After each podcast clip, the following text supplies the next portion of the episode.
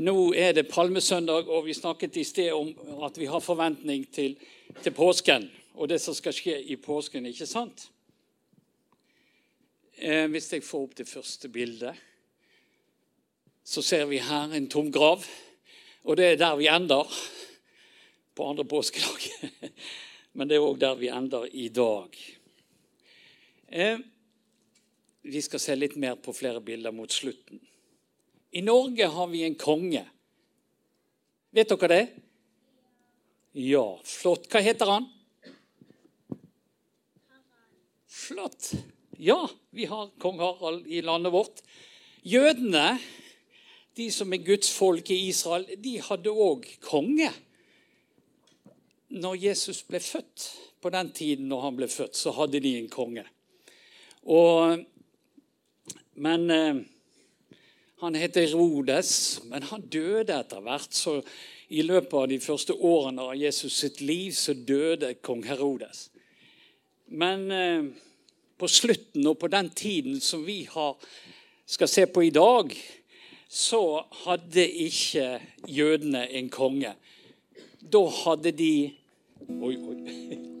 Da hadde de eh, Da hadde romerne tatt over og han eh, keiser Tiberius han hadde bestemt at en som het Pilatus, som var landshøvding, han skulle styre over jødene.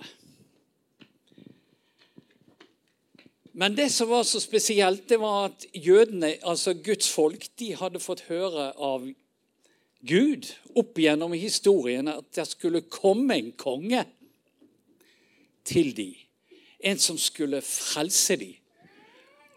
Og når vi nå eh, skal se på dette her, så ventet jødene på en konge. Den kongen vi har i dag her i Norge, kong Harald, kan ikke helt sammenlignes med disse kongene som jødene hadde hatt. Kong Harald har i vårt land, bare begrenset makt. Men de kongene som var i Israel, de bestemte alt. De hadde all makt i hele landet. Så det som jødene ønsket seg, det var en konge som kunne styre med rettferdighet, og som kunne sørge for at det var fred i landet. Det ønsket de seg.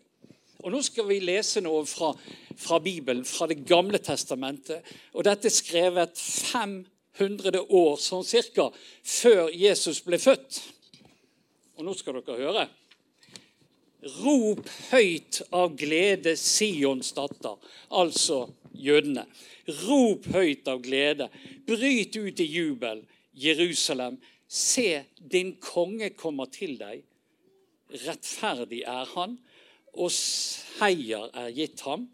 Ydmyk er han og rir på et esel, den unge eselfolen.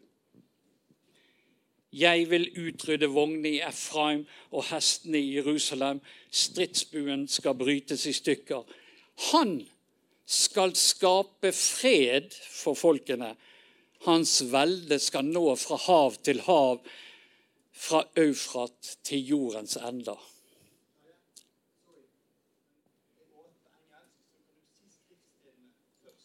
Ja, ja. ok. Zakaria 9, 9-10. ja. Sånn er det. Bra jobbet, Ole. Zakaria 9, 9-10 leste jeg fra nå. Så dette var, det, dette var, en del av det folket hadde hørt på forhånd. Dette visste de skulle skje, dette trodde de på skulle skje. Og nå var det i ferd med å skje. Og da skal vi få bilde nummer to. Og se her. Der står det 'Se din konge kommer til deg, ydmyk er han, og ri på et esel, på trekkdyrets fole'. Her er sånn som vi, som en maler i hvert fall, har sett det for seg at det var. Og det ser jo ut sånn som vi fikk høre Rune fortelle det i sted. Det er flott. Eh, det var nemlig påskehøytid i Jerusalem. og masse mennesker hadde reist til Jerusalem. For det gjorde de for å feire påskehøytiden i Jerusalem. Og det som skjer her, er at Jesus han er en del av det følget, han og disiplene, som, som reiser til, mot Jerusalem. Men eh, du ser at Jesus han rir på noe. Hva er det han rir på, da? Et esel, ja. Tror dere at Jesus eide det eselet der? Nei. Det var riktig. Han gjorde ikke det. Men tror du han hadde bare tatt med seg et esel som han fant på veien da? Mm? Og satt seg oppå der, og så red han videre? Gjorde han det? Jeg tror ikke det. Nei, Jesus han hadde ikke det. Han hadde sagt til to av disiplene sine at de skulle gå inn til en landsby, og der skulle de finne et esel som sto bundet. Og så skulle de løse det eselet, og så skulle de ta det med seg. Men eh, hvis det kom da en mann, han som eide det, og sa det, 'Hva skal dere med mitt esel?' Da sier eh, Jesus at da skal dere bare si at 'Herren har bruk for det'. Og det var nok. For disiplene de fikk med seg dette eselet, sånn at Jesus fikk låne det. Var ikke det flott? Så kunne han reise videre inn til Jerusalem på et esel. Og Det som skjer i folkemengdene her, som vi ser litt i dette bildet, det er at stemningen stiger. Forventningene dirrer. Er det en konge som kommer her, sier de. For de lengtet etter at det skulle komme en konge, en frelser. Og er det han som kommer ridende der? Er det kongen som de trodde skulle komme? Og det er jo tydelig. Noen tror at det er han som skal komme. Og de legger palmegreiner ned, og de legger kappene sine ned, til og med så Jesus og eselet kan gå over. Og forsiktig og stille så vandrer Jesus mot Jerusalem gjennom denne folkemengden her. Og de roper mot ham, sånn som vi har sunget òg. Hosianna, Davids sønn, velsignet være han som kommer i Herrens navn.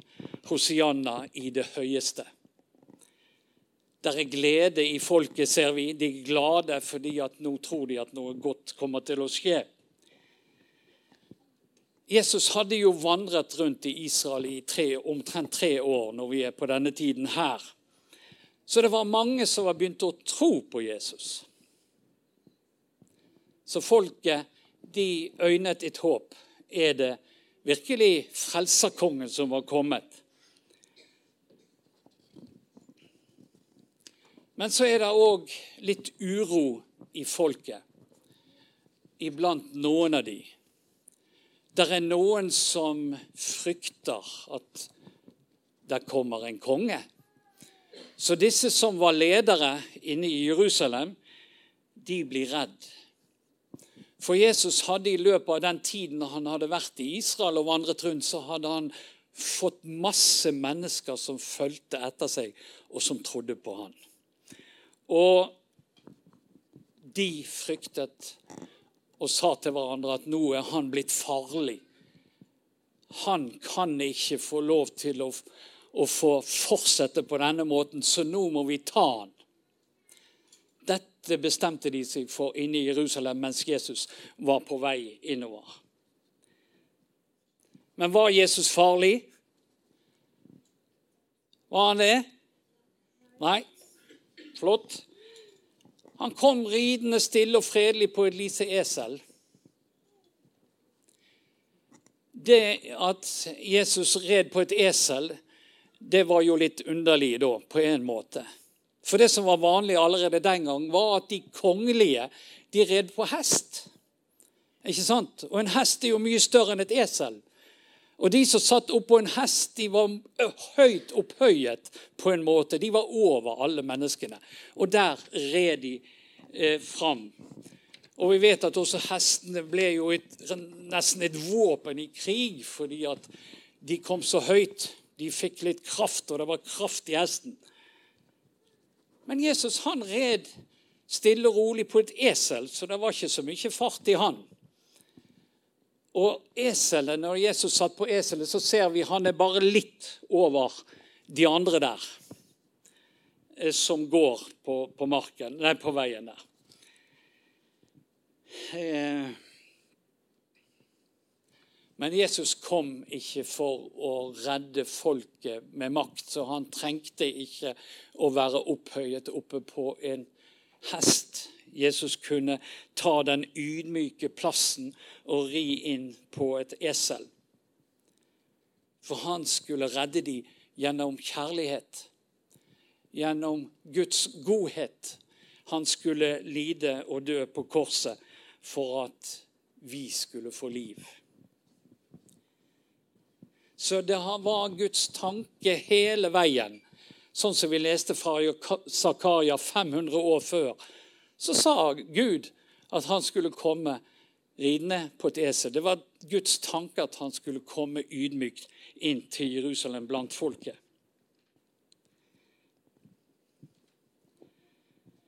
Eh, nå når Jesus vandrer inn der, så eh, er det påske om to dager. Så de hadde et stykke igjen, vei igjen å reise.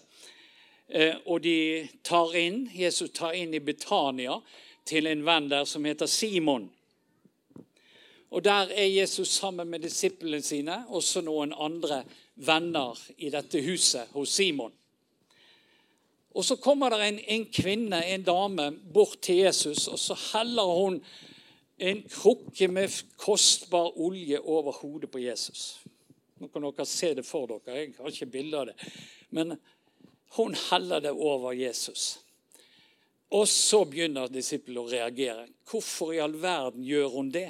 Hva er vitsen med denne sløsingen av denne kostbare salven? For den salven kunne de ha brukt over lang tid, lang tid med masse god lukt osv. Men, men denne kvinnen hun heller alltid denne krukken over Jesus.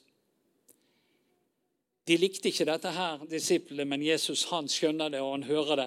Og så sier han 'Hvorfor plager dere hun?' Hun har gjort en god gjerning mot meg, sier han. Og så sier han noe viktig. De fattige har dere alltid hos dere, men meg har dere ikke alltid. Og da snakket han om selvfølgelig at han en dag skulle tilbake igjen til himmelen.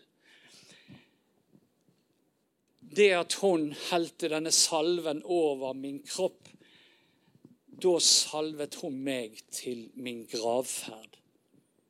Så her kommer enda en gang at Jesus taler om at han skal dø.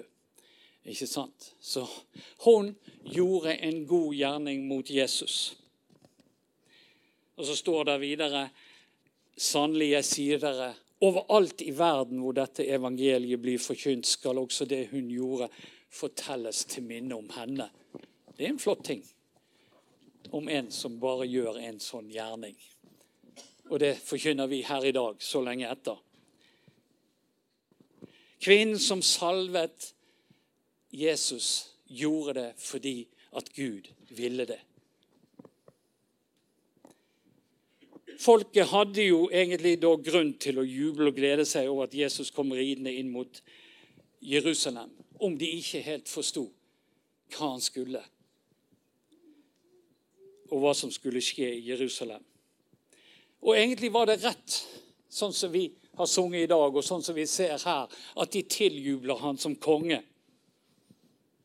For det Jesus skulle gjøre i Jerusalem, var så mye, mye viktigere enn det å være konge for Israel på den tiden. Jesus skulle redde oss alle, ikke bare Israels folke. Han skulle frelse oss alle. Påsk, palmesøndagens budskap som vi nå har for oss her, det gir oss en anledning til å tenke på våre egne forventninger. Vil vi ha Jesus som konge? Vil, vil du det? Ha Jesus som konge? Er han din konge? Ikke en konge på en hest som er høyt hevet over oss. Nei, en ydmyk konge. En konge som kommer og gir sitt liv for oss. Han er verd å være konge Og vi har sunget det. Han er verd av lov, pris og takk og ære. Og det skal vi gi han i våre liv. Det vi har snakket om nå, det åpner liksom opp for det som kommer resten av påsken. Og jeg håper at du vil bruke tid med din bibel og med Jesu vandring fram mot Golgata og oppstandelse etterpå. For du kan følge han skjærtorsdag, langfredag, så kan du følge det som skjer. Og så kommer vi til påskemorgen. Og så er påsken over for denne gang. Hvis vi nå kan få neste bilde så ser vi her at det Nå skal jeg bare ta noen bilder, så vi ser litt av det som skal skje i denne uken som kommer. Her vasker Jesus disiplenes føtter. Han har samlet de til å ha det siste nadværsmåltidet. Og så bøyer han seg ned, og så tjener han disiplene sine i kjærlighet. Neste bilde ser vi at de feirer nadværen sammen. Der står 'Dette er min kropp som gis for dere. Gjør dette til minne om meg'. Det er sånn som når vi feirer nadvær. Nå skal ikke vi feire det i dag, men vi skal ha det på skjærtorsdag, og det skal være på andre påskedag. Og neste bilde Her ser du Judas, han som skulle forråde Jesus. Og han har lagt sin plan, han har allerede fått litt penger, ser det ut for. Og så det var han som fortalte hvor Jesus var. Og da kom soldatene. Og hvis vi ser på bilde nummer seks Neste bilde, unnskyld. Så er han i Getsemane, og da har Jesus det vondt. Da har han skikkelig dødsangst. Da er han redd. Han vet han skal gjøre dette, men han vet at det er smerte med det. Han, unna, han har ikke sluppet unna smerten. Og så ber han disiplene om å våke, men de sovner, vet vi. Og så kommer I det neste bildet så kommer vi fram til at da kommer de og tar Jesus. Da tar de han til fange. Og han sier det han kan eh, be sin far om at han redder han fra denne situasjonen, men han går frivillig med dem. Og i neste bilde så blir han ført fram framfor landshøvdingen Pilatus.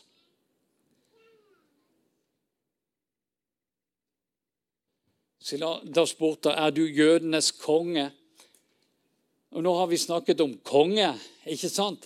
Og her spør Pilatus er du en konge. Er du jødenes konge?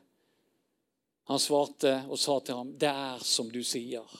Jesus bekrefter at han vil være konge for folket. Og så vet vi videre hvordan det går. I det neste bildet ser vi Peter. For Jesus hadde sagt at før haren galer skal du fornekte meg tre ganger. Og her er det Peter som fornekter, har fornektet Jesus. Og han hadde sagt til ham om så alle vender seg bort fra deg, så kommer ikke jeg til å gjøre det. Det er best vi er forsiktige med hva vi sier. Og lover og I neste bilde så ser vi at Jesus blir korsfestet. Der henger han sammen med de andre røverne. Og så tar vi med neste bilde. Her kommer kvinnene til graven tidlig om morgenen den tredje dag og så er den store, tunge steinen rullet vekk. Og det siste bildet så er graven tom. Men engelen tok til orde og sa til kvinnen, frykt ikke, jeg vet at dere leter etter Jesus, den korsfestede. Han er ikke her, han har stått opp, slik som han sa. Kom og se stedet der han lå. Det er en spennende tid foran oss. La oss lese og følge med. Vi takker deg, Jesus, for at du gjorde dette for oss. Takk for at du var villig til å ydmyke deg, komme til jorden, bli som oss, bli mennesker som vokser opp blant oss. Og takk for at du også var villig til å gå denne tunge vei som vi vet at påsken var for deg. Takk for den kjærlighet du har til hver eneste en av oss. Vi priser og ærer deg. Amen.